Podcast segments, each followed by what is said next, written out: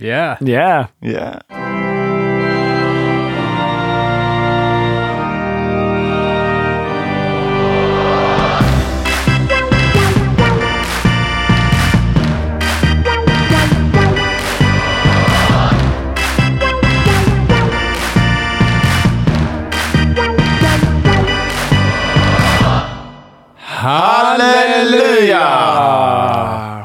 Jävlar vad sura ni ser ut. Det är det- ingenting mot vad vi kommer att bli tror jag. Just det. Är det någon av er som har en soffa jag kan låna några dagar? En s- Jag ja. har lugnat ner sig hemma lite. Jaha. Ja, ja, för Jag tusan. har eh, gjort bort mig hemma. Nej. Japp.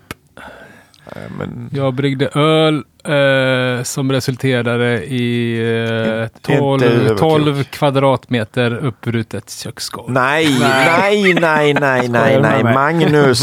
Magnus, Magnus, Magnus. Eh, Överkok? Så tar jag gärna den. Nej, jag det tar är med, inget jag tar överkok. med egna lakan. Ja, men Och kudde kan scheisse. Hur gjorde du det här? Du fick alltså det bryta till? upp golvet. Ja, ja. Nej, eh, det var ett misstag. Jag... Eh, Jaså? Du ångrar dig, du, du ångrar dig. Det var inte så du hade planerat. eh, eh, Är du ångerfull? Men var det... Nej, översvämning när jag kylde Ah. vörten. Eh, viktigt telefonsamtal mitt under kylningen. Och det var vatten alltså? Vatten. Och jag som tänker, nej det är ju tre barn hemma. De har koll. Ja. De hojtar ifall det händer någonting. Men nej, det gick inte, det gick inte så bra. Men, men. Vem var det, var det vem var det som eh, bryggde öl? Det började droppa till grannen under. Ja, det var inte jag i alla fall. Ja, var det någon i Majorna här för mig? Jag kommer inte ihåg. Okej. Kan det vara Jagge? Ja, jag kommer inte ihåg.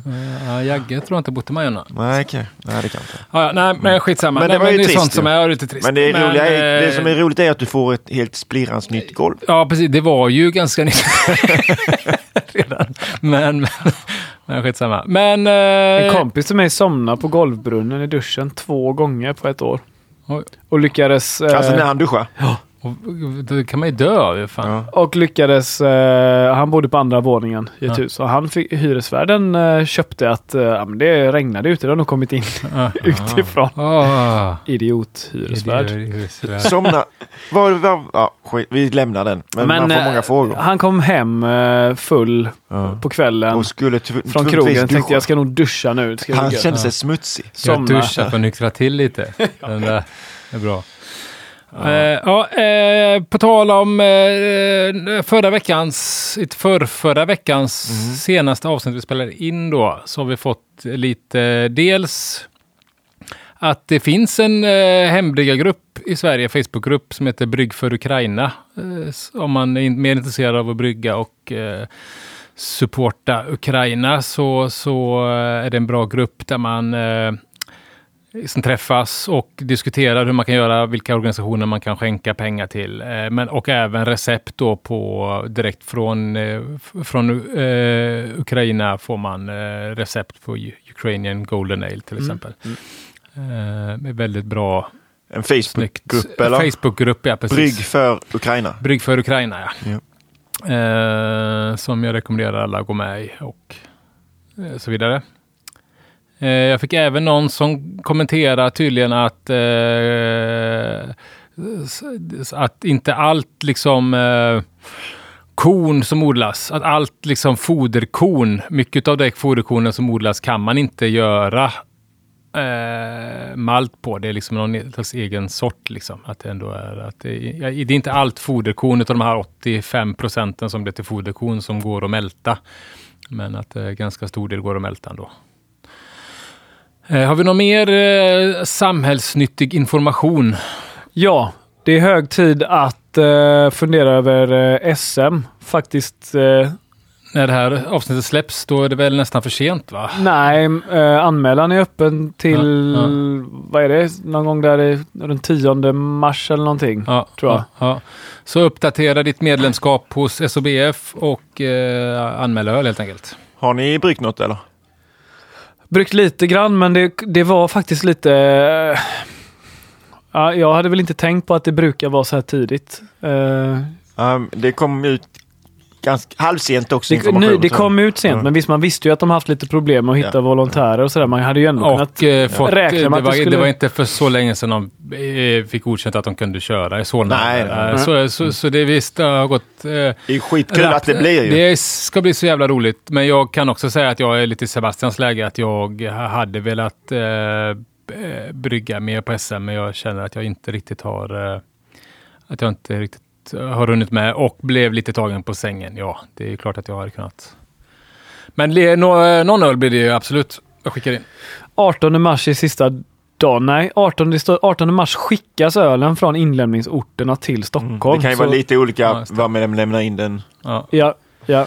Så, Precis, men ja. någon gång i mitten av mars bör man sikta på att ha färdigt öl. ja. Men... och, fast bor man i Stockholm så var det den 27. Ja, det tycker jag är lite orättvist Det där faktiskt. kan man faktiskt Det diskutera. jag, det tycker inte jag, alls varför det ska vara så. Nej, det tycker jag är en jävla fördel för stockholmarna att, ha, att ha tio dagar till på sig. Eh, För när, det är när döms tio, tio, dag, tio dagar färskare öl Ja. kan göra, Nej, det är faktiskt- kan göra, det kan göra mycket. Det är som i- gnäll, men det är sant. Ja, det, är det kan, göra, det. kan göra Ja. mycket i, i, i, i en sån här tävling. Tror jag. Ja. Vissa ölstilar bättre än andra. jo, jo. Liksom.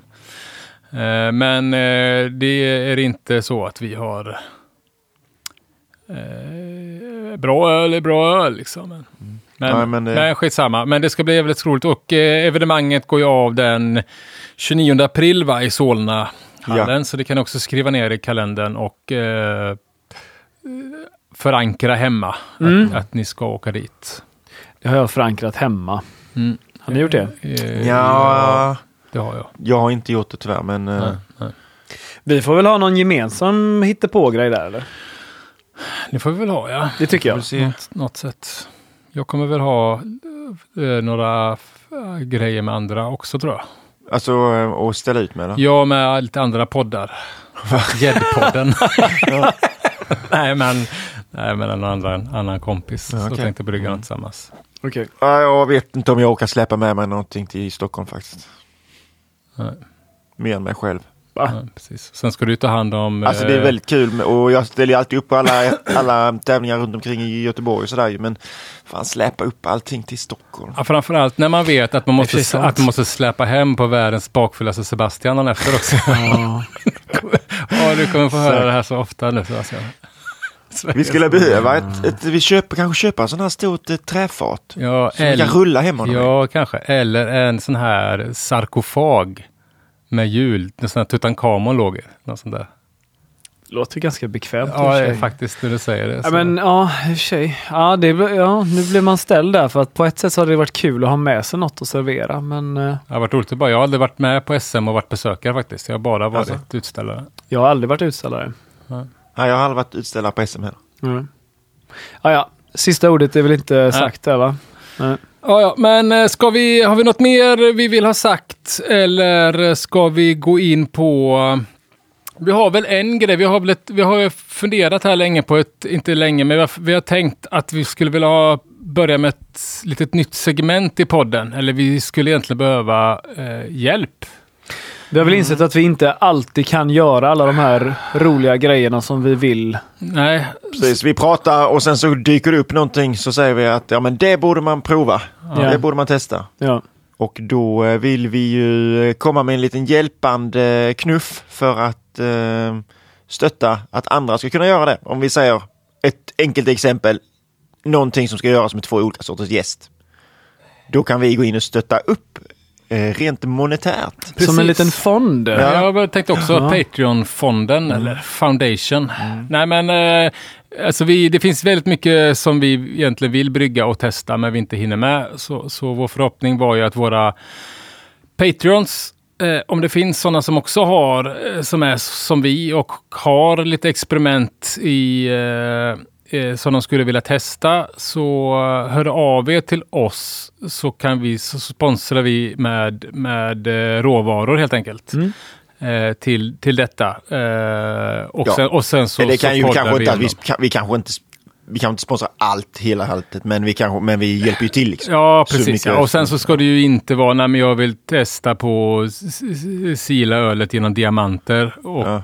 sen jämföra med hur det är utan diamanter. Eh, utan, eh, nej men ni förstår vad jag menar. Men allt möjligt. Mäktiga, mäktiga grejer. Liksom. Ja, precis. Men allt möjligt. Allt från som Simon sa, testa två olika gäster till att ta, testa samma gäst med olika pitch rates eller olika temperaturer. Eller om man har eh, testat torrhumla med lite olika humlesorter och så vidare. Så, eh, så, så eh, hade Ja, vi, vi varit men väldigt det- glada om det är någon som vill göra det och vi bidrar gärna med det vi kan helt enkelt. Och ett motkravet är ju naturligtvis att vi vill eh, smaka de här. Just det, Ja. S- självklart. Nej, men så att om man har någon rolig idé på något som man tror passar in här så eh, får eh, man helt enkelt höra av sig i Mm. våra Patreon-exklusiva kanaler. Ja. Och vi kan även, eh, nu har vi inte, vi har inte tittat på, vi har eh, stöpt vad vi ska kalla det här för. Och där får man också hjälpa till med om man vill. Eh, så, kanske vi har kommit fram till ett bra namn till första gången vi... Ja, precis. Första gången det blir... Just det, jag vill ju ha ett klatschigt namn så att jag kan göra en check jingel. Precis. Det är det viktigaste. Ja, Jag vill ha ett tydligt namn. ett tydligt namn. Så att du kan göra en tydlig jingel. Ja. Ja. Och, Så att jag eh, förstår att vi har ja. kommit in på det segmentet. Just det. Ja. Ja, Ja, nej, men det blir säkert bra. Men, eh, men... eh, ja. ja. Bara, vi kommer ju såklart inte, alltså om hundra pers hör av sig med idé, vi kommer ju inte kunna göra allt. Så Nej, Nej, nej. väljer vi ut lite. Ja, Ja. Eh, japp, då kastar vi oss in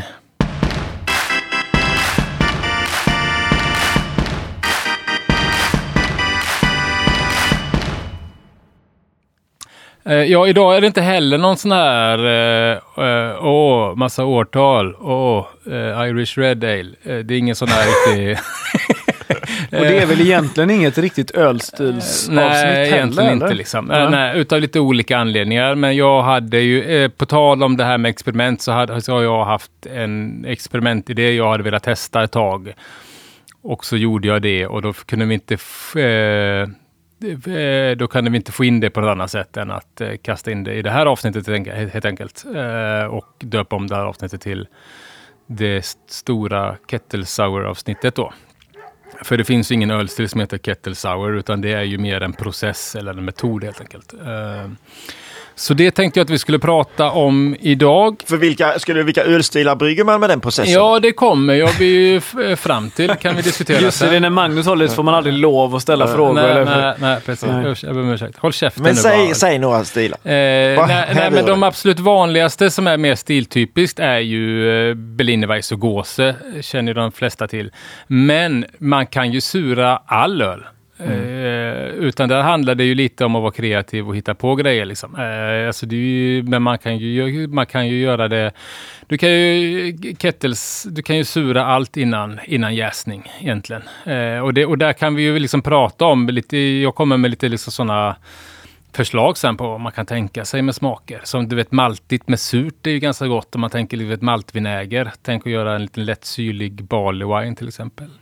Yes, kan nej, men det var bara det att eh, jag tänkte att du kunde säga det. Berliner Weisse och eh, Gåse. Gåse. Okej, det var det du ville säga. Ja. Okej. Ja, ja, men eh, vad, eh, vet ni er första kontakt med eh, Kettle Sours? Eller? För, jag, har- för min första var ju, det, det här är ju en sån ölstil som jag kom i kontakt med som hembryggare innan eh, Eh, alltså jag kom i kontakt med den som hembryggd innan, innan kommersiell. Liksom. Eh, Ja, Jag har nog faktiskt, jag har nog inget minne av att jag har druckit någon sån. Nej, men av att jag, jag minns inte när jag kom i kontakt med det första gången. nej, nej. Ja, för mig är det tydligt, det är ju... Gås. Gås. Äh, vi, eller ja. Ja, men det vet man inte heller om den är kettle sour eller inte. Det tror jag inte. Att egentligen att, den, att de surar i, i kärlfatet. Liksom. Nej, men min första sån här suröl som vi förknippar med mycket idag är ju Timo. Eh, och eh, som idag har Sahtipaja. Eh, rött men inte sött Just på Amilases hembryggarträffar runt 2013-2014 som han dominerar de hembryggarträffarna med sina eh, väldigt fruktade Berliner Weisses. Den kommer jag ihåg. Kommer ni här? Jag kvävde den. De Varsågoda. som lyssnar fattar ingenting vad som händer. jag, jag höll på att nysa. Ja, ja. Om ursäkt. Men jag lyckades kväva den. Eh, och det var först framförallt hans rött men inte sött. Man hade även några med tropisk frukt liksom som var som vann varje, alltså det var flera år i rad tror jag som de eh, det var något inhopp där utav Drakens dubbellipa typ. en sån där som, ehm, eh, men det är väl min första kontakt med eh, eh med, med, med suröl, och, eller med den typen av suröl helt enkelt. För vad är då detta? Vad är en kettle sour? Eh, och jag kan väl tycka att eh, definitionen är att man eh, att en kettle sour är när man surar vörten med bakterier, oftast då lactobacillus. Eh, att man surar vörten med lactobacillus innan primärjäsningen då, eh, som sker med eh, Saccharomyces eller al vet, alkoholjäsningen helt enkelt. Att först har du en jäsning med, med bakterier och sen så tillsätter man jäst. Det är eh, i princip definitionen eh, utav detta. Eh, och eh, då blir den ju sur. Eh, I normala fall så brukar ju liksom öl, jag vet inte om du har koll på detta, men ungefär men mellan 3,8 till 4,6 i pH brukar ju eh, normal öl vara. Medan suröl brukar ligga mellan 3 till 3,7 procent eller procent pH. Ehm, Men jag tycker dock att man ska tillägga när man pratar suröl är ju att det kan, det här kan låta lite konstigt för många, men pH är egentligen inte ett bra sätt att säga hur surt någonting är, hur det, surt det upplevs. Eh, för att ta reda på det, då ska man göra något som kallas för sån här titerbara, titerbara syror. Att man mäter, för olika, olika syror kan vara olika sura. Om de är bundna eller inte bundna, men de ger fortfarande ett, liksom ett lågt pH-värde eh, helt enkelt. Men något som är eh, säg pH3 med eh, mjölksyra är ju inte, upplevs inte lika surt som något som är PO3 med till exempel ättiksyra. Ja. Det förstår jag vad jag menar. Ja, men, ja. men, och till tebra syra, det kan man ju göra hemma. Det finns sådana kit att köpa. Det är väl lite bökigt, men och kanske lite overkill. Eh, kanske bättre för sådana som... Eh, det är väldigt vanligt för, för bland vinmakare och cidermakare att man, att man mäter till, syror. Men eh, hade jag varit kanske ett surölsbryggeri som brygger eh, eh, spontanjästa grejer så är det ju eh, så är det ju så. Men, men som sagt, då så sa jag ju lactobacillus innan och det kan man ju liksom, det finns ju egentligen två stora huvudfamiljer med suröl. Eh, om vi pratar kettle sours så är de oftast enkelt surade med enbart lactobacillus. Eh, Mjölksyraproducerande bakterier eh, förkortas lab eller i folkmun lacto. Eh, så jag kommer nog säga lacto hädanefter. Eh, Bra och sen så har vi ju det som eh, kallas för mixed fermentation sour. Alltså då pratar vi spontanjäst, lambic och så vidare som ju suras av en kombination av, eh, av basiller. Eh, för det finns en till ganska känd eh, lakto, eh, mjölksyraproducerande bakterie som heter Pediococcus. Eh, som ju är eh, oftast långsammare och då är, är, är inte, inte vanlig liksom att man surar kettle sours med som ju är, går snabbare att producera än de här eh, lambic och spontanjästa ölsorter helt enkelt. Eh, ja, det var en varg. Ja, Det är jävla jobbigt. Spela Ja. in på Kolmården. Precis. Eh, vad är då... Eh, vad är då? Vi kan ju börja med att prata lite bara. Vad är lactobacillus för någonting? Eh, bara en sån här grundkurs i lactobacillus. Eh, detta är då en stavformad bakterie som är grampositiv. Eh, kallas kort och gott för lacto då. Eh, och den bildar då inte sporer. Vilket kan vara bra att veta. Sporer bildar ju Brettanomyces som är en sån här, du vet, de går i... På något sätt blir de liksom eh, sövande när de inte får näring och så vidare. Så de bildar sporer som, som då kan skydda dem mot eh, eh, skydda dem i miljöer där de inte trivs så bra, liksom mot yttre påverkan och så vidare.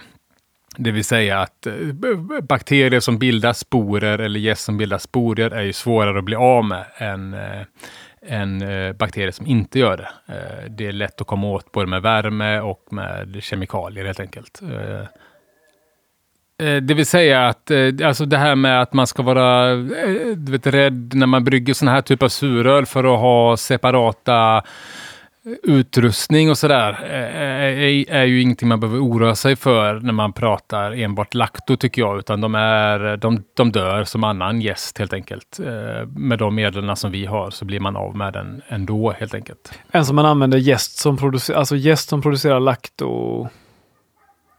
Alltså som producerar mjölksyra. Det, det är samma grej du tänker på. Det finns lite sådana. Ja, det finns ju lite nyare sorter som, eh, med gäster som, kan som, som under sin jäsning producerar mjölksyra. Eh, Ja. eh, Jag vet att jag har en sån påse Philly Sour Philly hemma. Sour, precis, ja. Jag har för mig att det står på baksidan där att du ska behandla den här som när du gör spontanjäst öl, typ att du ska ha separat. Okej, står det? Ja, jag för mig det. va? Jag kanske precis, hittar men, det, men- men det där är ju en Det kanske egen art. är- Det är, inte en, det är ju inte en bakterie utan det är ju en gäst. Det är en gäst och det är inte en Saccharomyces utan det är, det tillhör familjen Lankia eller någonting sånt där tror jag. Mhm. Men vi kan eh, inte prata jättemycket om den sen, men vi, kan, vi kommer ju komma in med, på den också. Eh, Men eh, när man gör kettle sour, Ja. det är väl det, då dödar man, alltså man brukar väl ändå dra upp allt i kok. Eh, Det kommer vi till sen också. När vi kommer Okej. till hur man gör de här rören hemma. Eh, Vi ska bara sitta och det, är- lyssna. det var en jättebra fråga faktiskt. Det var ingen fråga, det var fakta. För Ja, det fan. var väldigt fakta. Bra. Ja. Eh, men då, Oj, oj, oj. eh, Fick vi all, en temperaturhöjare? all lakto är fakultiva anaerober, eh, vilket betyder att de kan tillväxa eller leva i både syrefria och eh, i miljöer med syre. Mm. Det kan också vara bra att lägga på minnet. Fakultativa anaerober. Ja, anaerober. Eh, men mer bara att de kan leva där det finns syre och, och inte syre. Eh, det finns då ungefär över 100 arter. Eh, de flesta finns i våran eh, mag-tarmkanal. Typ. Alltså, vi har jättemycket lakto i oss i matsmältningssystemen och så vidare i, i käften och lite varstans helt enkelt. Eh, och de används ju till att fermentera väldigt mycket mat, lakto. Alltså allt från surkål, kimchi, är aktiva i vin och cider, även i kakao, yoghurt, kefir till exempel. finns det ju olika lakto. Fått en väldig uppsving senaste 5-10 åren. Verkligen, alltså. De har ju funnits i tusentals år, Mm, tio, men det är väl som med, med ölgäst också, att man inte, inte riktigt har vetat om vad det är för någonting. Eh, en annan sätt som särskiljer olika lakto med varandra är ju ifall de är hetero eller homofermativa. Eh, det vill säga ifall vissa av dem, de som är hetero, kan producera koldioxid när de fermenterar. De andra gör inte det. Så det, det kan eh, Eh, det kan eh, bildas koldioxid ibland och ibland kan det inte göra det när man eh, gör- det. Och det kan också vara bra att veta, för det kommer vi in på, på senare, och ifall det börjar bubbla på jäsröret fast man inte har tillsett jäst, då kanske man ska kolla ifall det är en lakto som man har tillsett som är hetero, he, heterofermativ helt enkelt. Ja, det var crashcoursen eh, Lacto då.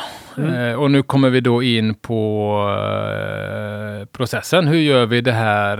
Eh, hur gör vi kettle sours, alltså snabbsuröl hemma då? Mm. Eh, och eh, då kan man ju börja med steg ett är ju egentligen att bara välja en ölstil man vill eh, sura liksom. Eh, det är ju bara att ta vilken som helst, men man får ju ha någon slags grundtanke på vad det är man vill komma åt. Liksom. Enklast är ju att börja med att brygga en Berliner Weisse eller Gåse som ju eh, från början ska vara sura helt enkelt. Alltså ganska enkla recept, men man behöver inte tänka på all vört går och sura så länge det inte är humle i, men det kommer vi in på sen. Eh, men men eh, så, så där får ens egen liksom, kreativitet och eh, mål med ölet eh, sätta gränser lite liksom. Jag brukar väl oftast sura. Jag har surat allt från du vet, 100% pilsnermalt till mer eh, Berliner Weiss eh, maltbaser som ju är 50-50 pilsnermalt, vetemalt. Typ, liksom. Jag har länge gått och eh, inte fått tummen ur men velat sura stout. För att kunna ha i Guinness så är det ju, Exakt, lär det ju ja. vara lite Mm. survört i den. Precis ja. ja Eh, nej, men men dry jag stout är fått sånt nej, som hade varit spännande att testa och, och göra kettle sour på innan. Liksom Eller- göra en och sen för att kunna så liksom ha, frysa in typ halvliters flaskor eller någonting. Ja, liksom, ja. och kunna- Sourgurt? Eller? En, om? eh, ja, precis. En, en eh, sourgood-reaktor är det ju i princip då man har hemma. Man, har, man måste ha det hemma ja. Ja. Och det är ju ett, ett ypperligt sätt eh, att eh, spara eh, en kultur, laktokultur som man är nöjd med, är ju att ha en sourgood-reaktor hemma. Liksom. Men då kanske man ska brygga ofta. Eller? Men det kommer vi in på lite mer sen när man pratar om vilken sort då. Men det är det första steget. Eh, när du väl har gjort det så mäskar man, som, eh, mäskar man i princip exakt som vanligt. Eh, det, för det här kommer ju jäsa sen, utan, utan man, man får styra själv lite. Du vet om man gillar en söt öl, en... Eh, om man gillar en väldigt eh, torr och syrlig öl. Jag rekommenderar väl oftast att vad jag brukar göra är väl att höja kloridhalten lite när jag gör kettle sours. Lite för att framhäva maltigheten. För i den här ölen Eh, i normala fall så pratar man ju om att bäskan balanserar restsötman i ölet. I kettle sours eller suröl så är det ju eh, syran eller syrligheten i ölet som balanserar restsötman. Eh, och jag tycker att det kan vara ganska gött. Och tvärtom. Ja, och tvärtom. ja. Eh, men att man, får, att man, eh, att man ökar eh, kloridhalten brukar jag göra eh, för att få eh, för, att öka liksom kroppen och, och lite, lite grann eh, för att balansera den, den åt det hållet. Liksom. För, för, för sura öl är inte heller gott. Liksom. Utan det ska ju ändå, ska ju ändå alltid hitta någon slags balans där. Mm. Eh, så, så mäska precis som vanligt eh, i princip. Och sen efter utmästning då så eh, kan man göra på olika sätt. Mäska ut som vanligt, alltså samla upp din vört. Eh, och sen eh, brukar jag, eh, antingen så kör man ju ett utmäskning eh, och, eh, och sen tar man upp det till, antingen tar man upp det till snabbt kok eh, eller så väljer man att pasteurisera. Och det gör man ju för att döda det som, eh, alltså de bakterier eller, eller ölförstörande organismer som kan finnas i vörten eh, under mäsk, att de ska ändå ska dö. Att du tillsätter din laktokultur eller på det sättet du vill helt enkelt. Eller döda gästen som är för du vill inte att det ska jäsa innan det... Finns det innan någon surar. anledning att inte koka det?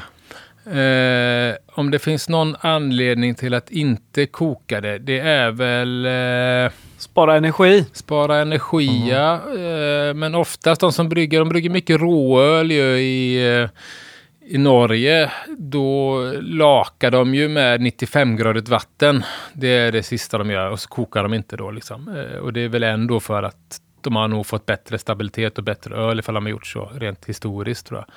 Så jag misstänker väl att det är väl mer, det är väl mer köpa grisen i säcken. Det blir mer ett lotteri om man inte gör det. Jag inte hettar upp det. Eh, Ja, precis. Eh, och det blir svårt att göra det, få liksom någon slags re- repeatability på det. Eh, I det här skedet då, eh, när man eh, hettar upp det, när man pasteuriserar eller stabiliserar ölet, eh, så eh, rekommenderas att man sänker pH på vörten eh, till under 4,5. Och detta gör man då utav två anledningar. Den första anledningen är ju att eh, 4,5 eh, anses, eller är ett slags tröskelvärde för eh, eh, tröskelvärde för väldigt många ölförstörande mikroorganismer. De kan inte tillväxa under pH 4,5. Eh, men lakto och jäst kan det. Så att om man gör det så får du, eh, minskar du risken för, eh, för kontamination helt enkelt. Eller för infektion på ditt öl. Och den andra anledningen till att man gör det är ju att, eh, att eh, laktobaciller på samma sätt som jäst går igenom olika faser. Eh, eh, och en av de faserna som jästen, eller som laktobaciller går igenom kallas för eh, protolys, eh, då de tar åt sig proteiner ur den omgivande eh, miljön de lever i. Eh, och proteiner vet ju vi eh, som brygger öl att skumkronan byggs upp av proteiner. Så om man gör det här sänker, och sänker eh, till under 4,5 så visar det sig att eh, laktobacillerna ibland hoppar över protolysen. Det vill säga att mer proteiner bevaras i vörten och du har större chans att få en eh, skumkrona på ditt färdiga öl helt enkelt. Eh, så det kan man använda. Då. Och det här är väl svårt att vet, räkna ut hur mycket mjölksyra ska man tillsätta. Men en, eh, eh, det, här har ju med din maltbas att göra, ditt grundvatten att göra. Så det, det går liksom inte att ge någon sån där, med, du vet, en tesked till 10 liter sänker exakt så här mycket. Utan det beror ju mycket på ens eh, hemmaförhållande helt enkelt. Men eh, här kommer då en eh, med bred pensel bra utgångspunkt då. Eh, och det är ju att en milliliter mjölksyra sänker pH cirka 0,1 till på 20 liter. Eh, så har du då gjort eh, en vört, du har 20 liter vört, eh, pH är på 5 eh, och du ska tillsätta då för att komma ner under 4,5, då ska du tillsätta, eh, börja med 5 milliliter rör runt, eh, låt det stabiliseras, vänta några minuter, ta ett nytt pH-prov. Är det fortfarande högt, då börjar man med en milliliters pipetten liksom, eh, för mm. att finjustera helt enkelt. Mm. Men man kan väl räkna, man kan väl, om man har ett bryggprogram så kan man väl... Du kan estimera hyfsat bra. Eh, ja, ja. Eh, vissa av de där programmen är ganska bra. Broomwater anses väl vara den som mm. man kan styra det bäst med eh, enligt andra sådana här eh, kettle sour-bryggare helt enkelt. Men ja. det har ju som sagt med eh, hur hårt ditt grundbryggarvatten är, eh, mm. vad det är för alkalinitet och så vidare. Och även vilka salter du tillsätter till ditt eh, inmästningsvatten. Liksom. Mm. Nej, för de siffrorna, jag behöver hälla i väldigt mycket mer mjölksyra för att kunna säga. Jag har ju 230 eller något sånt där i alkalinitet. Så jag behöver nästan, eh, alltså de siffrorna för, för en 10 liters batch. Ja, typ. ja, mm. Och eh, något man eh, ska glömma bort att göra det är ju att tillsätta humle tycker jag. Man ska inte tillsätta någon humle. Eh för att eh, om man liksom tänker efter varför vi då började använda humle i vårt öl så var det att eh, laktobaciller hatar humle helt enkelt. Att vill du, här, I det här fallet vill, vill vi ju ha en sur öl, då ska vi ju inte tillsätta humle i och med att humle motverkar laktobaciller helt enkelt. Eh, visst kan man väl ha i humle, men det är ju liksom om man vill bara, nej men humle, ja, alltså Suröl ska, till, ska, det ska innehålla humle i öl liksom. Men jag tycker väl att det är eh, en för stor risk har varit väldigt många gånger att man har överdoserat det, humlen, och sen så får man ingen suröl alls helt enkelt. Fast på en kettle har du ju surat att du eh, kokar. Precis. Så du? Du har ju surat den innan du kokar den. På en kettle sour. Snackar du, inte, du snackar inte bara... Du nej, gått... nej, nej, du ska inte ha en humle i, i, i något skede liksom. Eh, inte i mäsken, inte i det här steget, inte när du kokar liksom. Eh, ta, eh, använd ingen humle i något steg. Liksom. Det finns en del recept om man ska ha det i mäsken istället för att undvika att få för mycket alfasyror. Liksom. Eh, eller under det här uppkoket för att stabilisera den och så vidare. Liksom. Men jag... Eh, eh, alltså steget fram till att du har i laktobaciller så ska du inte ha någon humle. Ska du ha i humle så ska du ha i det efter du har surat. Så kan man säga. Ja men det ja, har det... man väl när man, alltså, när man väl kokar. Då har man ju syrat sin Vi har inte kommit till koket än. Vem har sagt att du behöver koka en, en kettle sour? Jag har inte sagt det, men du har sagt att man, du att man aldrig ska precis, ha humle. Du sa precis när, du kok, när man kokar den. Ja. Man, kok, man behöver inte koka en kettle sour. Nej. Nej. Men det vi menade var ju att om när du väl kommer till koket då kan du ju lägga Om i du väl kommer. Vem har sagt, Vem har sagt att, att man ska Okej, okay, men de gångerna du väl kommer till ett kok. Om du ska koka den. Ja, men om du kommer till ett kok. Ja, Då kan du lägga i humle. Eh, Utan att ja. det kommer sabba surningen. Eh, ja, ja om, om ölet är surat, ja precis. Ja. Vi säger så här, efter att det har surat, ja. Med risk för att gå händelserna i förväg, ja, det gör du så kommer du antagligen vilja stoppa den processen. genom att på något sätt eventuellt pasteurisera eller eh, Ja, Gå upp ja till kok. vill, det, liksom, det behöver du inte. Men, men visst, vill Nej. du, vill du det så du har visst. bestämt dig för att du vill ha 3,14 i eh, PO för att du älskar eh, pi. Till exempel. Precis, Ja. precis så. Då kanske du drar upp den till kok och då kan du slänga i humle. Ja, om du, om du vill det, ja. Absolut. Men eh, ja, alltså, du har, du har ju det- alltså, beska och sura, s- syra Vi är säger inte ingen att, bra eh, kom. vi säger kompis, inte att du liksom. ska ha Säg det. inte att man måste. Nej, jag nej. tycker att Nej. ni säger det. Det är Nej, precis det ni det säger. gör vi inte. Ja, skitsamma. Står, Men, vad, står det, eh, vad står det i typ defen på de här? Står det IBU 0 till? Eh, jag vet Någonting. faktiskt inte. Jag har inte det läst gör det Berliner, så jag vet inte vad det, Det står typ 18, eller vad säger jag, 8 till 15 eller något sånt Ja, där tror ja, jag. precis. Typ, typ som uh, Hefeweizen. Hefeweizen. Men eh, då, eh, alltså efter detta steg då, nu är du färdig med vörten. Du har sänkt pH till eh, 4,5. Eh, då är det dags att eh, kyla vörten. Eh, och eh, då är ju den optimala temperaturen för att sura vört är ju runt 40 grader, 35 till 40 kan man väl säga. Det är då lakton mår som bäst helt enkelt. Nikola hade Eh. väl någon teori där om att det skulle vara han hade väl kommit fram till att 42 grader och sånt Ja. där var Ja, precis. Optimalt. runt, eh, runt eh, 40 plus Mm. minus 2. Det är standard plus minus 2. Ja.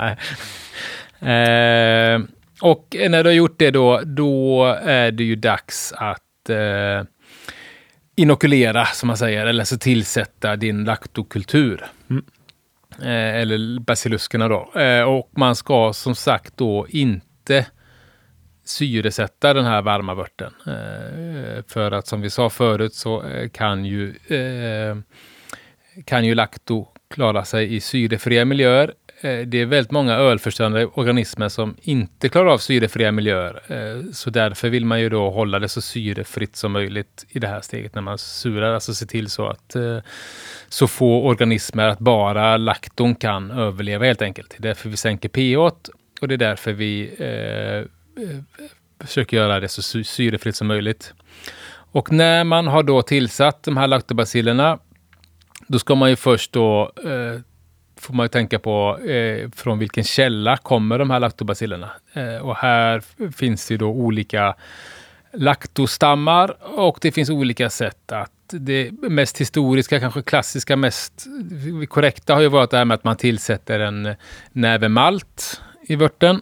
För i malten så finns ju då eh, eh på skalen finns ju, lever ju naturliga laktobaciller. Mm. Eh, nu för tiden så kan vi ju köpa laktokulturer eh, och där finns det några som är ganska vanliga som eh, Lactobacillus helveticus, Lactobacillus delbruckei.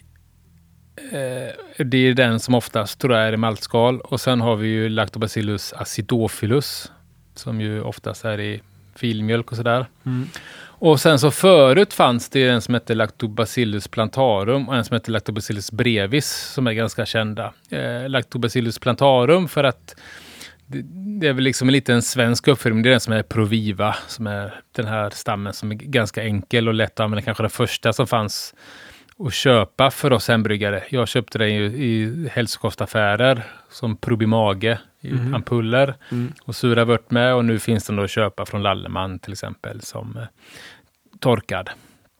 Eh, och Lactobacillus brevis blev känd för att den är en av de få som klarar ganska hög IBU, nästan upp till 35 IBU. Så där kan man ju sura eh, humlad vört. Lactobacillus plantarum klarar ju typ 2 IBU, så den, den är extremt känslig för humle. Liksom. Eh, Mm. så där har jag gjort bort mig några gånger med den, att jag har haft, att jag har haft humle i och då blir det inte surt alls. De här två sista då har de insett att det inte är någon eh, det inte är någon eh, lactobacillus längre. Dock. Det är någon annan som heter eh, Lactiplantibacillus plantarum. Eh, Det klingar inte lika ja, bra. Nej, nej. Lactiplant, Ja. Ja, precis. Och sen så är det Levilactobacillus brevis egentligen. På något sätt har de kommit fram. Så därför är det väl enklast att säga eh, dem på sitt eh, artepitet, alltså plantarum och brevus helveticus eh, och så vidare. Än att, man behöver inte vara fancy pantsen med säga lactobacillus plantarum. Eh, och det är väl så man säger oftast, att den här är surad med plantarum och den här är surad med delbrucki och så vidare. Eh, och som sagt så kan man då tillsätta en näve malt eller lite malt, eh, lite malt med. Eh, och eh, oftast basmalt. Det har gått lite sådana teorier om att det är bättre att använda Alltså kölnad malt, där, då kan man ju tro att där har ju man dödat laktobacillerna, men, men att de på något sätt kommer tillbaka, så att du dödar liksom ölförstörande bakterier, att du får bättre lakt om du har... Eh, Eh, jag brukar bara ta det jag har hemma. Hålls kanske vid en sån optimal temperatur för... Uh... Tillväxten, ja precis. Ja, jag, jag, brukar ta någon sån här mellanmörkt, Vienna eller Münchner mm. brukar jag ta. Och jag eh, brukar aldrig väga eller mäta utan jag bara kör på. För det här är väl en grej som är fördelen. Skillnaden när man pratar lakto, eh, lakto och gäst är ju det här med pitch rate är inte lika noga som med, med gäst. Det vill säga underpitchar du lakto så tar det längre tid för den att sura. Eh, eh, och, eh, men du kommer få samma sura syrlighet i slutändan. Överpitchar du så kommer du få snabbare resultat helt enkelt. Liksom. Och snabbare resultat kan ju vara bra för den saken att jag menar laktobaciller producerar ju mjölksyra. Det gör den ju inte. Det är på samma sätt som gäst producerar alkohol. Det är ju för att göra miljön så jävla jobbig för alla andra så att bara den själv ska kunna överleva och tillväxa där. Liksom. Så, så ju fortare det blir surt, ju, ju, ju större chans har du att inte få några andra ölförstörande mikroorganismer som också finns i luften då. Eh, och eh, vart man har den här vörten då, är ju, där skiljer det sig lite åt. Liksom. Alltså ordet kettlesauer, jag vet inte om man ska översätta det till svenska, liksom, men eh, kastrullsura att man gör det liksom i kastrullen eller bryggverket. Det är väl kanske den bilden de flesta får, liksom, att man gör det i bryggverket. För att i bryggverket kanske man kan hålla, har man, har man en grain eller någonting sånt så kan man ju ändå sätta den och hålla temperatur.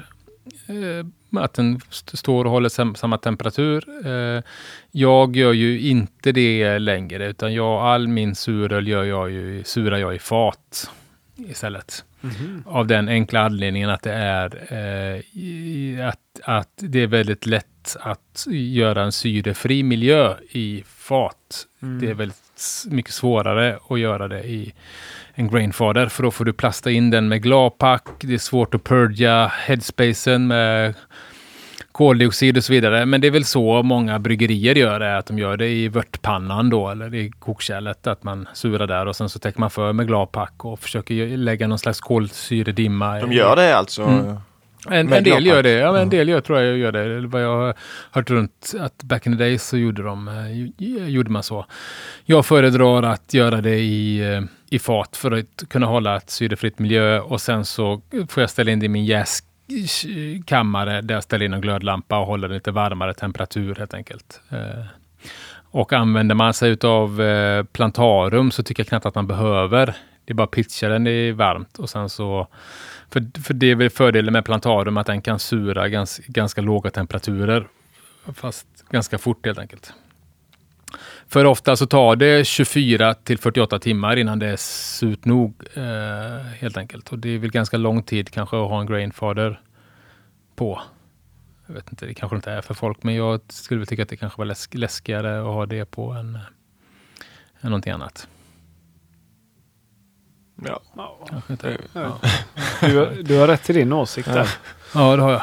Mm. Eh, när den här vörten är sur nog då, då har man ju sin eh, survört eller sin sourgut då. Det är den som jag använder till att justera pH ibland när jag brygger lageröl. Mm. Eh, och här kan man då gå olika vägar. Antingen så stabiliserar man den här vörten. Du vill inte ha lakto någon annanstans helt enkelt. Så då pasteuriserar den, kokar upp, kokar, beter sig som en vanlig öl.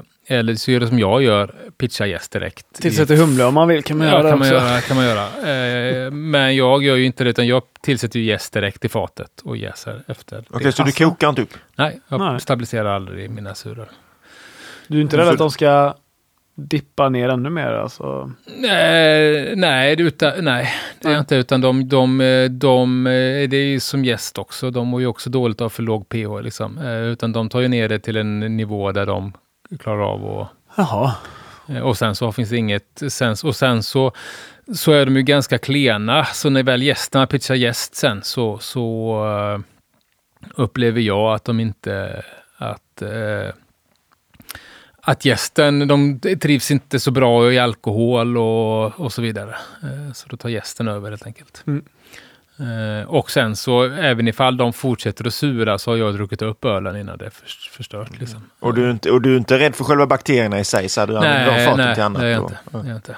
Eh, Okej. Det är inte. För i annan öl har jag humle i till att börja med. Eh, och, eh, och sen så eh, är de ju ganska lätta och, och ha ihjäl liksom laktobacillerna kontra andra.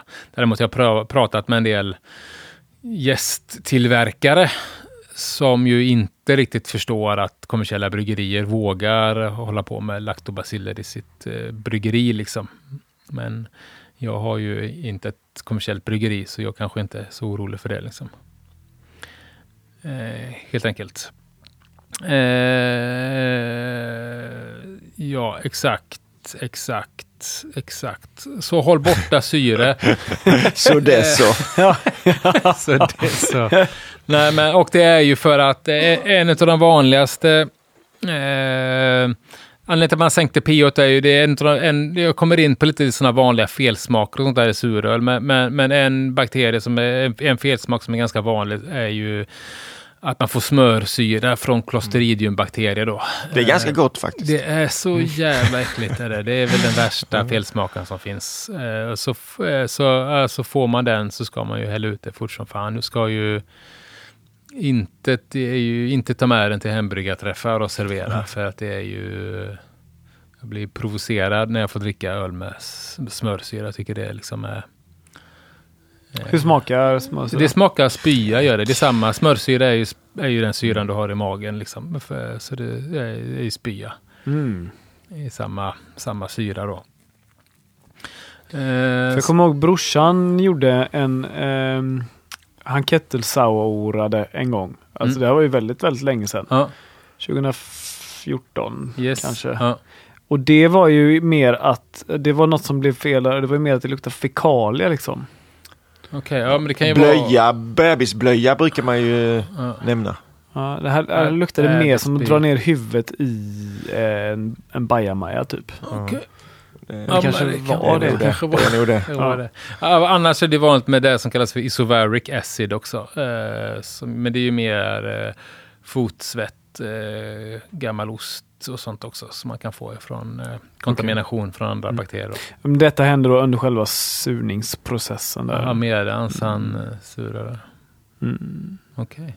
Eller nej, det var en fråga alltså. Det är då de här riskerna för eh, det är ju om du inte sänker pH och om du, om du i, inte är bra på att purga så finns ju den här risken att du Mm. får de här... Eh, Men om, om du tycker att din vört smakar bra och att du har kommit ner till en bra pH ja, och du då antingen väljer att, koka eller pasteurisera eller bara pitcha gästen så är det ju egentligen safe. Det, det, är Ja, liksom, ja, det, det där är ingen felsmak som uppträff eller som, som uppkommer efter att du pitchar gästen. eh, nej precis, nej. nej precis. Utan den kommer ju, den ska du känna redan eh, då i vanliga fall om om jag har gått ja, åt helvete ja. eller inte. Utan man smakar på den och, och det är ju, har du inte en pH-mätare så jag har ju bryggt suröl utan att mäta pH, utan smaka på den. Att det, nu är det jävligt, nu känner jag ändå att det har blivit su- surt. Ja, liksom. eftersom att du sa innan också att eh, man inte kunde mäta den upplevda syran. Nej, nej så du, kan ju mäta, du att kan ju mäta pH-dippen. Det är dock svårt, kan vara svårt att få, i, för i och med att du smakar en surad vört så har du så mycket sötma kvar i. Så Mm. det är svårt att, och, eh, att det ger en korrekt bild liksom. Utan man får ju prova och sen så försöka tänka bort sockret liksom. Alltså det är sötman som balanserar upp det, för den kommer upplevas mycket surare sen när man har väl har plockat bort all, när gästen har plockat bort allt socker. Mm. Eh, Men det, man känner, kan ändå känna att eh, nu har den fått eh, nu har den fått det liksom. Men det är ju ganska viktigt, för ni fattar ju själva det att hålla det lagt runt 40 grader. Det är ju ganska optimal temperatur för ganska mycket skit liksom. Eh, så därför är det ju ganska viktigt att man har ändå ett, ett, eh, sterilt, ett sterilt men desinfekterat kärl och att man tar de här kanske extra stegen av att eh, se till att det är en syrefri miljö i, och med att eh, många andra ölförstörare inte klarar av eh, syrefria miljöer Mm. och att man har sänkt pH. Eh, helt enkelt. Eh, och sen då när den är sur nog efter de här 24 timmarna eller 48 timmarna. Då är det dags att tillsätta jäst då. Och här kan man ju också stöta på problem, eller hur Sebastian? Nej, är det too soon? Nej, Nej. Jag, jag vet ju inte om jag har lyckats rädda den än, men Nej, absolut. Jag skickade eventuellt ett sms till dig igår och frågade Ja. vad fan jag skulle göra Ja, med min kettle sour som vägrar Ja. komma igång och jäsa. Ska jag berätta vad jag gjorde? ja, Och så får, ni, så får du säga vad som har hänt. Eller gissa vad som har hänt. Jag bryggde en vört och eh, eh, lät då drygt 10 liter eh, ligga kvar i eh, kastrullen. Som jag purgade och eh, klädde in med gladpack. Och höll i 42 grader. Eh, kastade i en näve Marys otterkorn var det faktiskt. okej. Ja. Medan den andra eh, 10 liter kokade jag i en annan kastrull och eh, syrade inte utan jag eh, pitchade jäst direkt. Jag pitchade en halv påse jäst och så sparade jag den halvan och så eh, pitchade jag den i då min kettle sour två dygn senare. Mm. Och den har inte börjat jäsa. Men den första halvan har ju jäst som in helvete. Mm. Med liksom eh, krojsat för Okej. länge sedan. Ja, och, den, men, och tanken är blanda de två eller är det två helt olika öl du har tänkt? Tanken är att jag ska blanda de två. Alltså, s- eh, min, så här var min plan. Eh, jag ville se om jag kunde få ut både en Berliner Weisse och en Gåse från samma bryggning. Ah, smart. Så att jag tänkte en Gåse för mig är mindre syrlig än en Berliner Weisse, men Mm. har lite mer muskler. Mm. Så jag gjorde en mycket, eh, jag biffade upp den liksom halva vörten och sen så i kokslut så la jag i koriander och salt då i den. Fast Okej. jag dubbla mängden mot vad jag skulle haft om jag gjorde en vanlig gåse. Mm. Sen så jag tänkt att jag ska den andra är en Berliner Weisse då, var ju planen. Så ska jag blanda den med den här andra vörten och så blir det en gåse. Mm. Men nu har jag ju ingen, ingen Berliner Weisse att blanda med. Nej, nej, nej. Men eh, då använde jag, ja, det var ju inte US 05 utan det var jag använde det här nyare märket som man har börjat se på upp det där Fermo Ale. Eh, Just det, AIBs, AI4. ja, AIBs gäster, ja. ja. Men det är samma stam som USA. det ska ju vara ja. det om jag har läst på rätt Chico Strain. Ja. Ja. Som jag trodde var en väldigt bra gäst för eh, den här typen av öl. Mm. Nej, men det är ju ett ganska vanligt förekommande problem med eh, eh, långsam, svårstartad jäsning eh, av survört för att alltså det här låga pH som är i är ju ganska kämpig miljö för gästen. Eh, så jag brukar ju eh, alltid tillsätta överpitcha ganska rejält och eh, se till att man har gästnäring och syresätter ordentligt. Eh, vad många andra gör, eh, eh, eh liksom eh, många proffsbryggerier gör, är att de även gör som kallad ash, acid shock start. Att du gör en eh, du, du förbereder gästen genom att odla upp den eller göra en förkultur med låg pH. Vört liksom, eller oftast använder man äppeljuice eller någonting sånt där som har väldigt hög syra. Liksom, att man eh, antingen rehydrera gästen ett dygn innan i, eh, i sådana miljöer helt enkelt för att, eh, för, för att gästen ska vara klar eh, och börja jäsa en sån här låg pH helt enkelt. Eh, och sen så finns det ju gäster som då sägs klara sådana här sura miljöer bättre än andra. Eh, och eh, jag brukar ju oftast använda den här, eh, som jag sa till dig, Don Kölsch gäst. Liksom. K97 har jag tyckt var väldigt, ändå klarade utan för mycket jobb. Liksom. Quake-gäst eh, klarar ju sådana här miljöer grymt. Liksom. Quake Mhm. tycker jag är ganska bra att använda. Eh, i, i, i, i, i, kettle sours i allmänhet, liksom, för att de eh, funkar jävligt bra i de här. Och det kan man ju även pitcha varmt, liksom, eh, när den är varm. Mm. Eh, ja, men så det kan vara kinkigt. Räkna med långsam jäsning liksom också. Eh, om du använder vanlig. Liksom. Ja, se, den kan ju möjligt att den liksom smår och står och jäser jätte, jättelångsamt. Ja, ja. Jag pitchade en till påse sen alltså. Så Ja, nu, har jag, ja. nu har jag pitchat en och en halv påse torrjäst till 10 liter Ja. bört. Ja. Jag märker ju att den har liksom lite övertryck. ja, spännande. Mm. Eh, eh, ja, nej men det är ju det man ska, ska göra. Och antingen då så kan man ju innan man pitchar gästen då antingen pasteurisera eller inte. Jag gör ju som sagt inte det. Nej. Eh, vanliga felsmaker då, som jag sa, smörsyra, Clostridium, s- släng skiten om du får det. Eh, undvik det då genom att sänka pH och så vidare. Eh. TOP är ju en felsmak som jag kan tycka dyker upp ibland, som ju är någon konstig förkortning på någonting, men det smakar ju lite vetedeg liksom. Gör det. Eh, s- Som man får ibland. Inte, det finns väl lite olika teorier, lite outforskat ämne lite. Eh, Ibland får man det, ibland får man det inte. Jag tycker att man får det oftast. Eh, eh, att man kan lagra bort en del av det. Och den blank berlinerweisse, det är liksom med gästen. Gästen tar med sig den skiten ner till botten liksom. Och den grumlig berlinerweisse så smakar det mer så än, än inte. Och vissa eh, kan ju, känna, kan ju inte känna skiten och då är det ju jättegott säkert. Liksom. Men, men andra, för de som känner det så är det oftast mer en munkänsle smak än en smak liksom, eh, för mig. Jag tycker det smakar lite cornflakes ja. Ja, kanske. Eh, diacetyl producerar i lakto, så det kan man få. Eh, och eh, DMS då, varför är inte det ett problem om man inte kokar? För att det blir ju bara ett problem om man kommer upp i koktemp. Om man väl kommer upp i koktemp så skapas ju sådana precursors till DMS. Det är därför man måste ha en lång koktid om man väl väljer att koka. Ja. Ja, precursornas finns ju redan, men, men de ombildas ju till DMS eh, över 95 grader.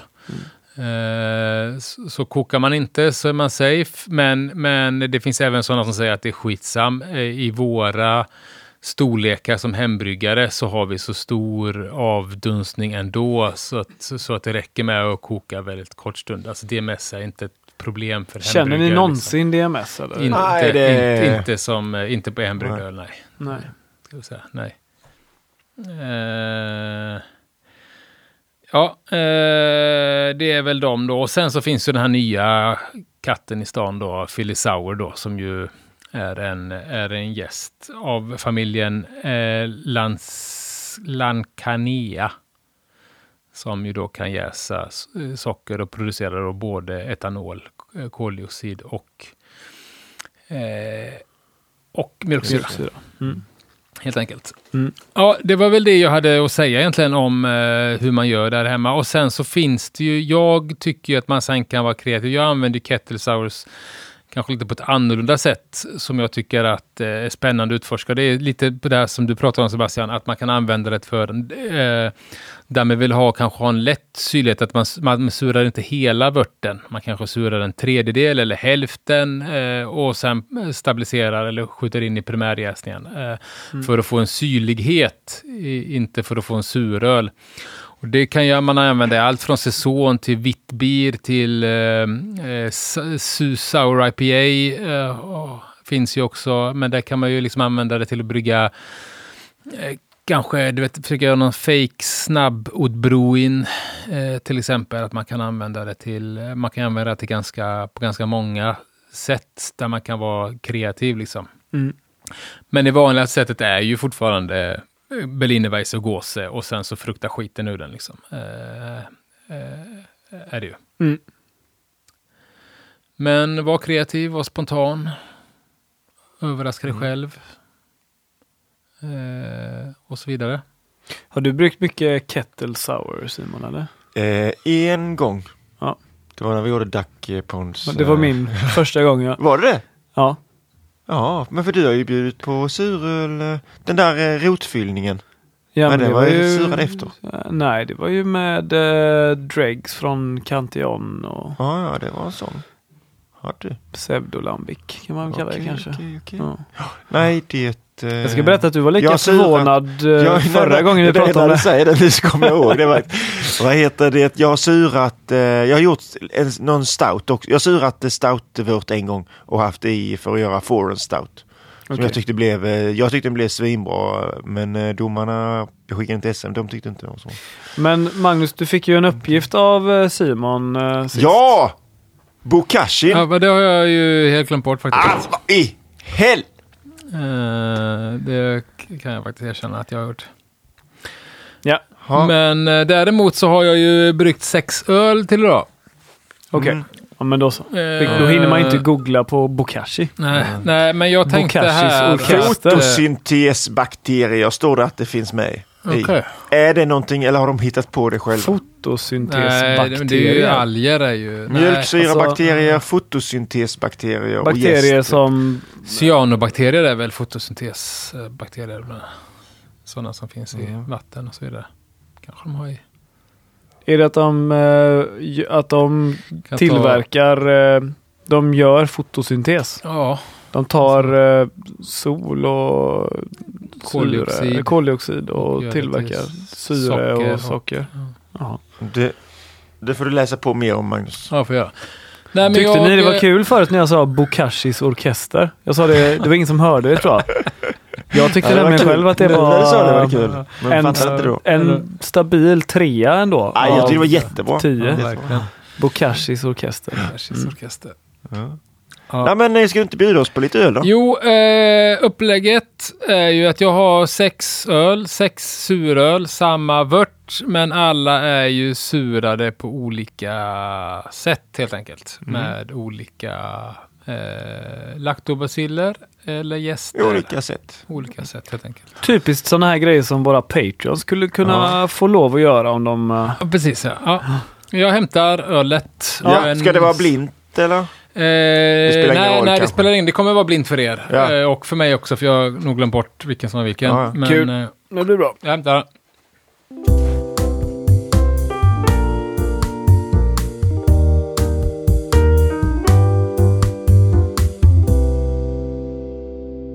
Eh, vill ni veta vad det är? De olika det är sex stycken öl. Eh, det är eh, en som är sur. Ja, det, ja. Ja okej. Alltså jag lär ju Det säger knappast inte mig ha några mycket heller. förutfattade det meningar, så det är lika något. bra att säga. Nej, men jag vill nog säga Ja. ändå. Tror jag. Ja, ja. D- Den ena är surad med eh, en näve malt. Mm. En är surad med eh, Phyllis Sour då, den nya gästen. En är surad med Lactobacillus helveticus. En med Plantarum. En med eh, eh, Skånemejeriers yoghurt. Eh, och den sista då är ju inte surad. Utan det är en av de här som jag har surat med den så kallade Peter Eronsson-metoden. Aha. Eh, att man tillsätter bara... Ren mjölksyra. Ja, fast här har jag gjort något jag länge velat göra. Det är ju att jag har surat den med eh, tre olika sorters syror. Eh, Jaha. för att simulera. För det är ju liksom en teori som finns att en del tycker att om man har en sån här singelstam som Helveticus eller Plantarum, att det blir för Mm. enkel syra helt enkelt. Okej. Men om man då fejkar det med att ha olika syror eh, så Kanske det går igenom. kanske, kanske det går igenom. Eh, Spännande. Så ert mål är ju egentligen är ju att försöka hitta den Hitta som är fejkad. Den som är fejkad. Ja. Okej. Mm. Vad är det för syror i? Det är mjölksyra, det är vinsyra och det är äppelsyra. Okej. Igen. Då har man fått sig sex glas här. Eh, det stämmer. Fan, det var ju en som skummar En som- väldigt mycket bättre. Ja, jag och vet en som inte är om väldigt jag har- mycket disigare. En som är väldigt mycket disigare. Det var den jag välte. Var det det? Ja. Jaha. var det. Det förklarar. Den eh, var väl lite disigare innan också. Ja men vi testar det här Ja, lite. ja, testa ni.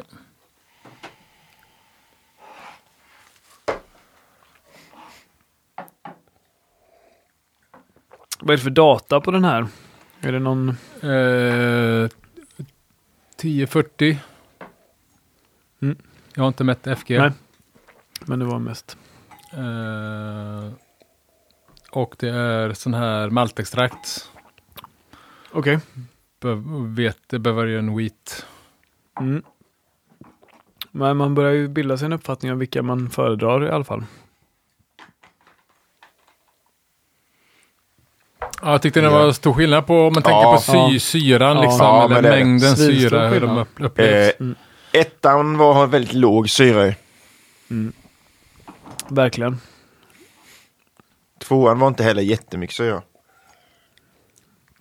Tvåan hade någon Sött. väl, lite vinägeraktig Ja, det har du rätt i. smak. Sen så tyckte jag att eh,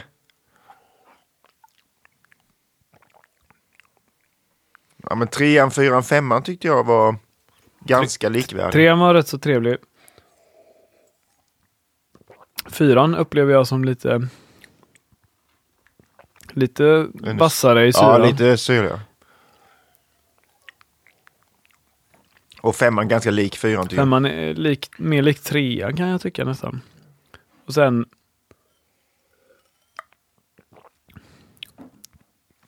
Undrar om inte sexan var lite min favorit. Jag kan tänka mig att det är den som är fulsyrad. Ja. På grund av att den har bra skum menar du eller? Nej, på grund av att jag tyckte att det var en ganska ganska skarp, eller ganska tydlig syra men ganska, ganska, liksom, ganska ren. Eller, Jag var lite inne på om det var Phil Sour. ja. Men, eh, nej, men min favorit säkert. var nog eh, Men sexan eller fyran och den jag tyckte minst om var ettan. Min gissning var att ettan var den Men jag tänker att han, då måste han ha, varför har han inte syrat den? Det tänkte jag från början. Ja. Men sen tänkte jag, varför, då borde han ha gjort den syrligare.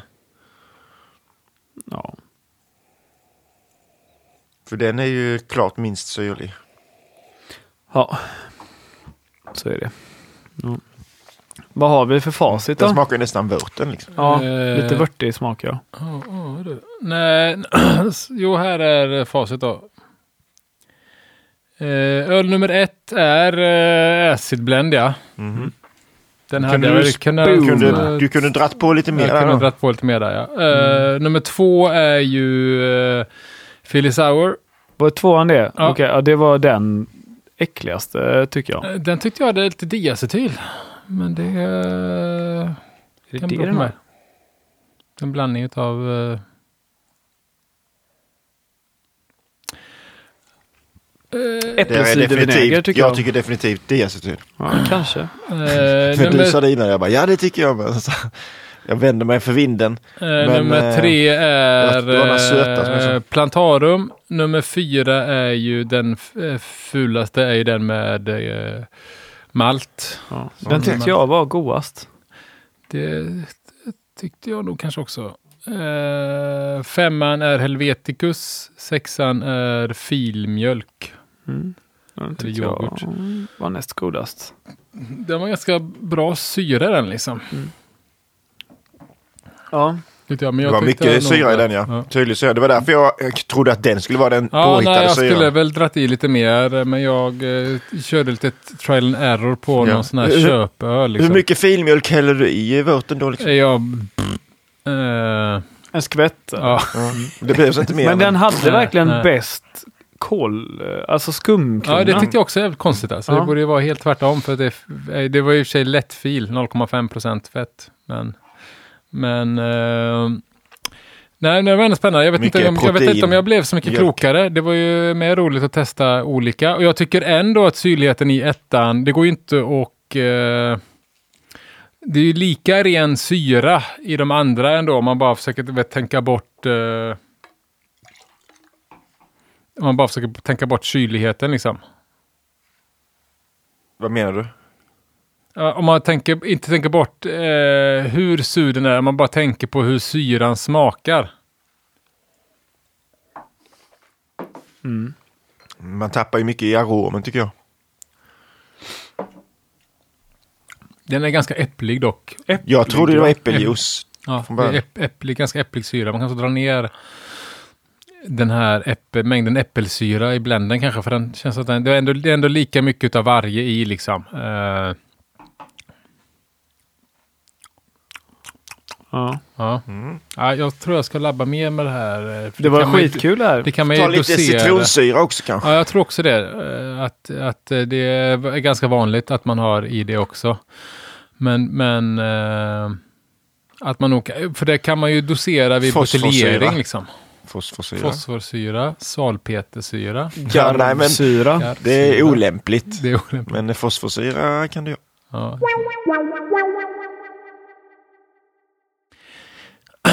Jajamensan, fattas bara. Namnen då va? Ja, namnen namnen. då ja, Kettle Sour-namnen. Exakt. Jag har faktiskt eh, hittat på några stycken. Det fanns många ingångar liksom. Jag tänkte inte att det här var, jag tänk, av någon anledning så tänkte inte jag att det, på att det här var ett ölstilsavsnitt liksom, så Nej. jag har inte tänkt så mycket på det. Men jag har några då. Ja. Har Magnus också? Nej, nej, nej. Han nej, fattat, nej, nej. fattade mobiltelefonen det som att det. han skulle ja, läsa Ja, upp. precis. Jättemånga, nej. Eh, ska jag börja? Som att jag Ja. ändå verkar mest taggad. Ska vi ta varannan eller ska Ja, vi? det tycker jag. Okej, Eller har du många? fyra. Ja, Det är något sånt jag också har tror jag. Ja. Ehm, men, eh, men någon ska ju börja. ja. Mm. Eh, jag tänkte på den här, eh, vi hade för något avsnitt sen så hade vi en liten debatt kring eh, om, om Killinggänget. Deras, eh, huruvida de var roliga eller inte. Mm. Och eh, då tänker jag att om de, eh, om de gör en kettle sour så är det ju stor risk att den bränner i bröstet! Bränner i bröstet! För då har de antagligen gjort en nettle sour. Brännässla. ja, Ja, okej. Nättelsauer? nettle sour. Nettle, alltså brännässla. Ja. Mm. Okej. De Fan. råkade göra det, eller de gjorde en sån. Ja, Ja. svinbra. Ja, tack, tack. Du tar den. Ja, han var lite... Lycka till med det Sebastian. Ja, nej, jag, det, det, var för, det var för roligt för mig det. Eh, Du gillar inte Killinggänget. Nej, jag förstod inte referensen. Bränner i bröstet. Jo, Vad fan? jag skojar bara. jag vet vad det var. Ja. Om man gör en sån här öl som man säljer för halva priset eller kanske två för en, för en mellan klockan fem och sex på kvällen. Då kan man ha gjort en happy sour. Mm. Ja, ja, ja, ja. Mm. Jag, eh, Det Ja, var bra. kul! Ja, det var, jag, jag fastnade helt i att du betonade eh, sour eh, på ett, ett sätt som jag inte var beredd på. Happy sour. Ja, Happy, skulle jag ha sagt då kanske. Exakt. Happy sour. exakt. Happy hour. Så Ja. hade jag velat. Sour. ja. Men eh, eh, så den var ju väldigt bra. Tack! Den var väldigt bra. Ja, tack. Väldigt bra. Eh, ska jag bara fundera på vad det var för några jag hade kommit på. Just det, om man eh, har ett man, man vill gärna brygga den här typen av öl. Eh, Berliner Weisse så med, med sitt brygglag. Men då, ingen annan vill eh, att man ska göra den, sådana öl. Man får verkligen eh, kriga för att få in den i bryggschemat. Då har man kanske gjort en Karoliner Weisse. Yeah! ja, Carolina. Den är bra ja. Ja. Om man serverar den i så här jätte, jättehöga glas. Du vet som man kan beställa på krogar sådär. Och som är så jättehöga med en liten kran längst ner. Då kan man ha gjort en Tower of Sour. Hallå? Mm. Hallå. Ölton, ni vet. Ja, jag Ja. Ja, Tower of Sour. Yeah. Ja. Det är nästan namn. lite eftertänksamma namn jag kommer med idag. Ja, ja, Samhällskritiska. kanske det är. Eh, jag... Eh, ska vi se här.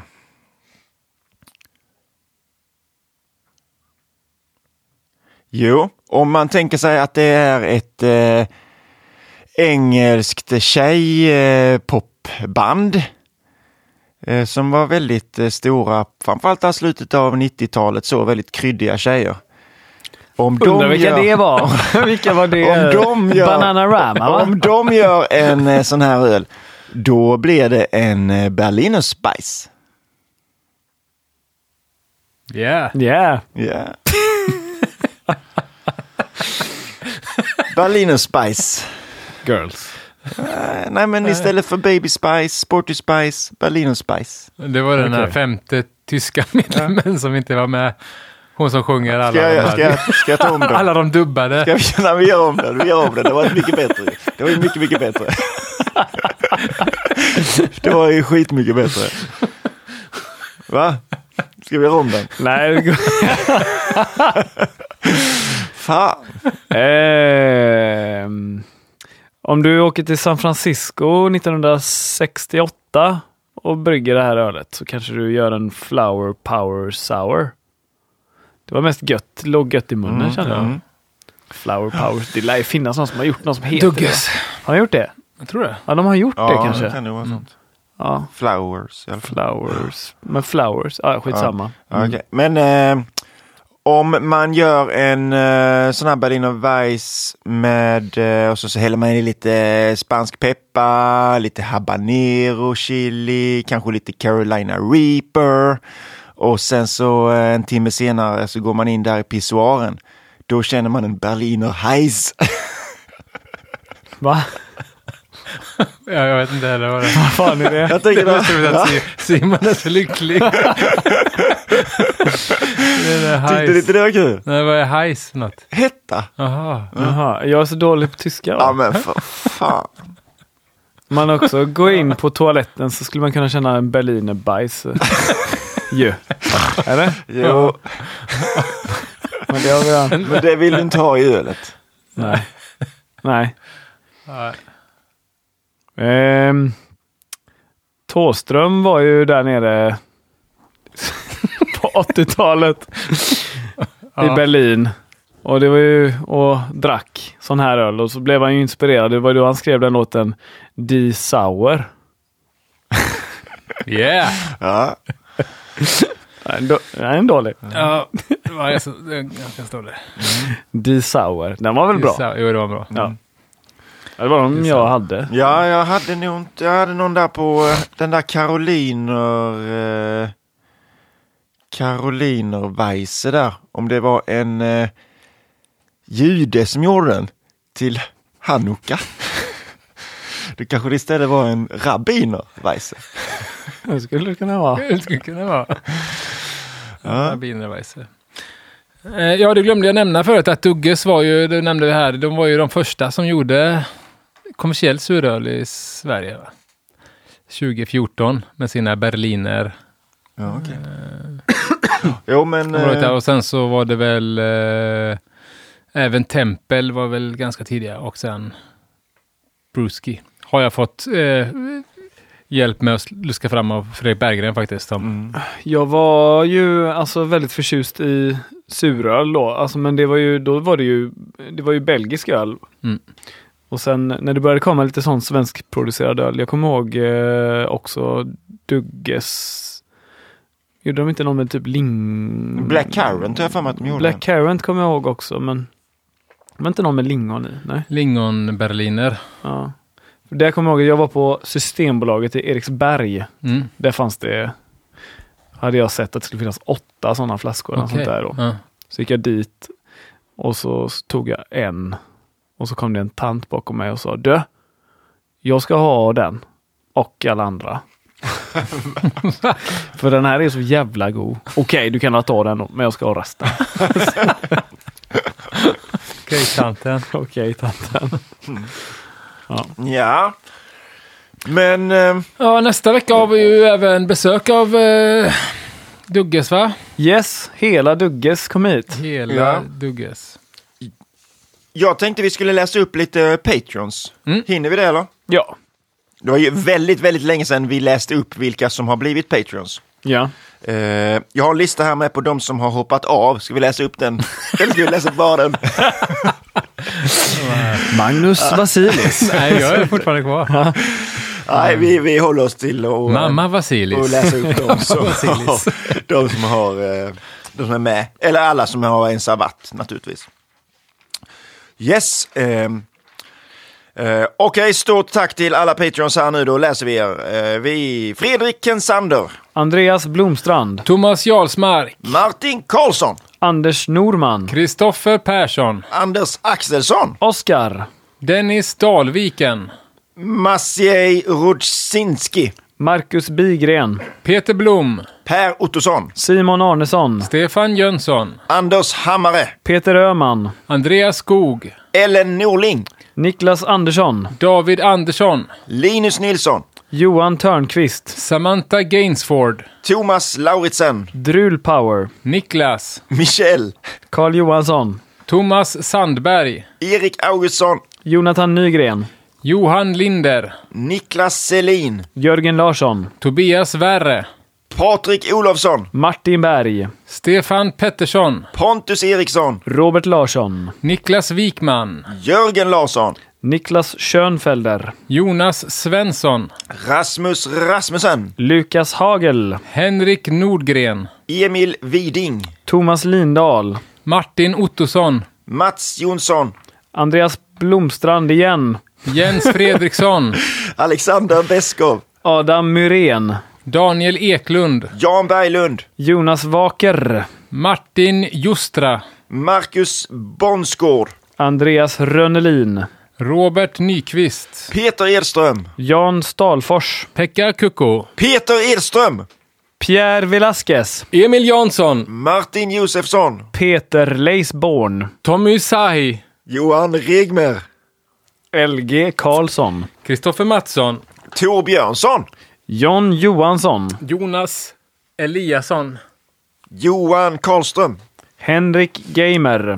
Christian Hoffman. Mikael Wik, Johan Strand. Henrik Grafström. Henrik Gidlund, Mattias Loberg. Niklas U. Tony Leo, Magnus Persson. Karl-Johan Kristensson. Robin, Andreas Andersson.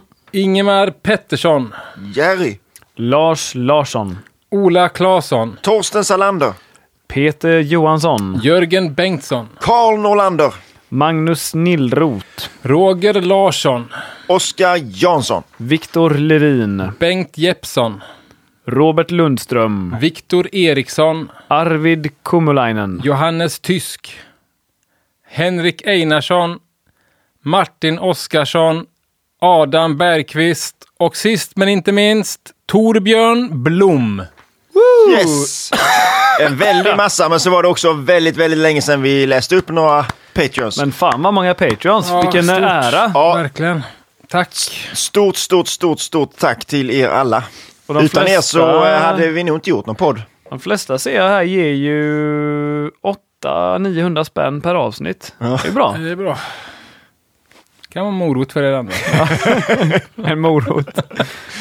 Nej, men det, vi är jätteglada och tacksamma för allt. Verkligen. Eh, ja, och vi vill du också eh, få ditt namn uppläst av en Mm. utav oss. Så kan du bli Patreon på uh, www.patreon.com. Ja. Vet ni att man egentligen är Patron?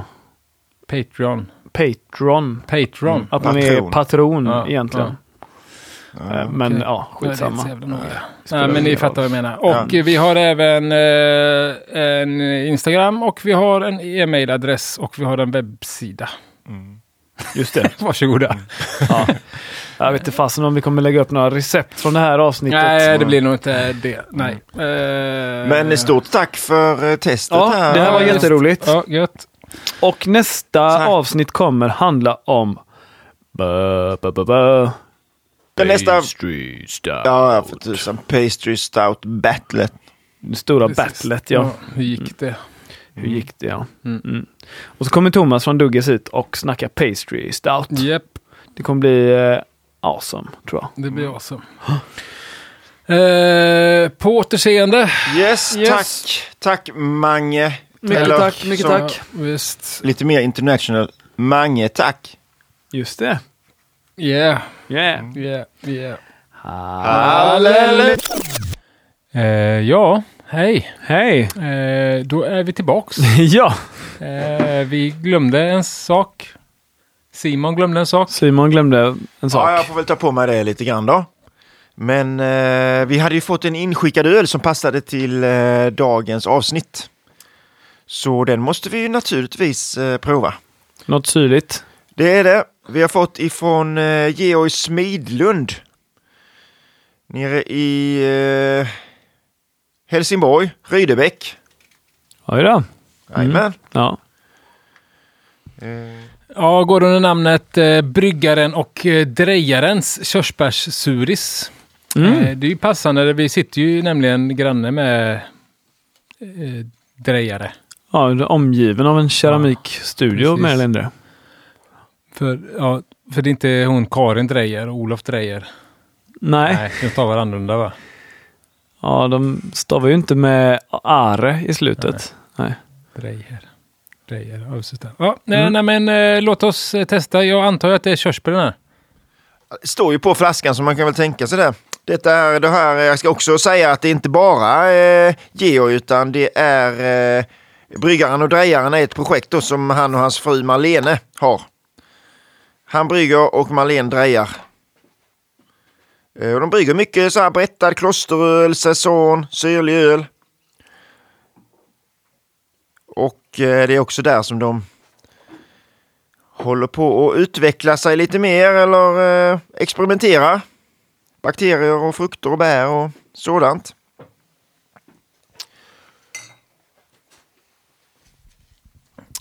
Har ju ganska fin, lätt rosa skumkrona.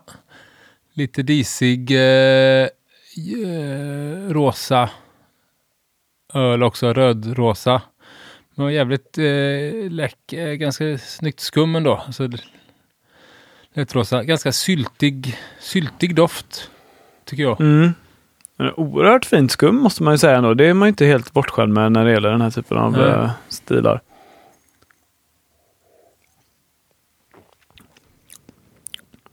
Smakar lite godis. Jag tänkte precis säga att den var ganska godisaktig smak. Jag tyckte det här ändå var gott, lätt, friskt. Inte alls dumt. Va? Ja, nej. Står det hur han har syrat den eller? Ja. Eh, han, målbilden eh, har varit att det skulle bli en smaksatt Berliner Weiss. Eh, dock inte syrad med laktobakterier utan med Lallemans Philly Sour. Så där ja. Bättre än vad jag lyckades med. Eh, han eh, undrar också om vi kan hjälpa honom med eh, lämplig SOBF-öltyp för denna öl. Vad säger du Magnus? Jag skulle säga fruktad öl. Eh, Du skulle säga fruktad öl. Fruktöl. Eh, Ja, fruktöl tror jag. Jag skulle ju nog... eh, Berliner Weiss är ju ren. Ja, Berliner precis. Liksom. Men det finns ju en som heter övrig klassisk och frågan är ju hur... Ja, fruktad är inte övrig klassisk utan det klassiska egentligen med Berliner Weiss är ju att dricka det mitt kyss om man har en frukt, man har en sån här fruktsyra man får vid servering. Så jag har skickat in den i klass 11 är det B eller som är fruktöl. Sen finns det kryddöl. A, A är nog... A är eh, 11A ja, som man har skrivit där. Hade jag ju... Eh, hade jag också skickat in en sån i. Absolut. Har han skrivit vad det är för körsbär han har använt eller? Det smakar så jäkla mycket de här eh, godisarna, de här eh, körsbärs eh, geléaktiga. Vet ni vilka jag menar eller?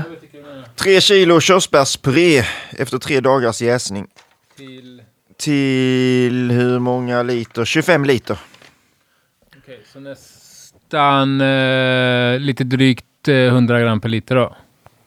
Drygt ja, 120-ish. Ja. Ja. det är inga kopiösa mängder men jäkla bra. Tänt Frukt, ja, körsbär tycker jag är ganska tacksamt. Ja. Ja. Fruktöl. Det blir ju när det är på den här nivån 120 gram där. Jag tycker det blir väldigt gott och ger mycket smak. Jag hade inte nödvändigtvis plockat ut att det var körsbär ändå. Hade ni det? Jag tror det. Eh, Jag tycker verkligen det smakar som det här körsbärsgodiset. Ja, nu när du säger det så nej, kanske inte. Eh, Jag Nej. kanske kan gissa på röda vinbär också. Ja, röda vinbär ja, i och för sig. Ja. Fast kanske inte riktigt så syrligt bara. Jag gissar på röda bär. En kompott av röda bär. Ja. Nej, men eh, bra jobbat eh, Georg. Tycker jag. Och drejan. Och Drejan. Ja, men gött. Vad skönt att inte den här flaskan blev kvar eh, i kylen och att vi hade fått gjort en arkeologisk expedition om fyra år och undrat vad fan det här var för flaska. Precis. Att vi hann med det. Ja. Och Men eh, nej, tack för att du skickade in. Ja, kanonos. Och... Eh, Nu kör vi den på riktigt då. ja. Halleluja!